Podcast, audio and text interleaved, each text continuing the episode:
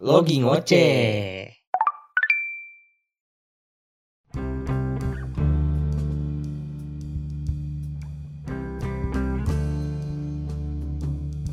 Kira-kira ini ada aja kasus kekerasan kejadian di mana-mana. Ada apa sih? Mulai dari kekerasan orang tua ke anaknya, sampai kekerasan satpol pp ke ibu-ibu. Di saat serba susah dan ribet kayak sekarang ini, banyak orang yang bersikap dengan dasar emosi.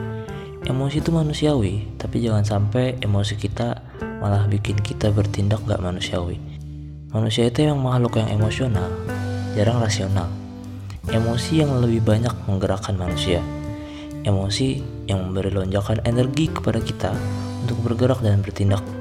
Karena itu, kita harus tahu bagaimana kita bisa menyalurkan ledakan energi tadi untuk hal yang tidak merugikan diri ataupun orang lain.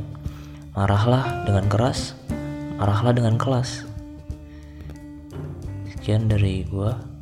Makasih udah dengerin lagi ngoceh.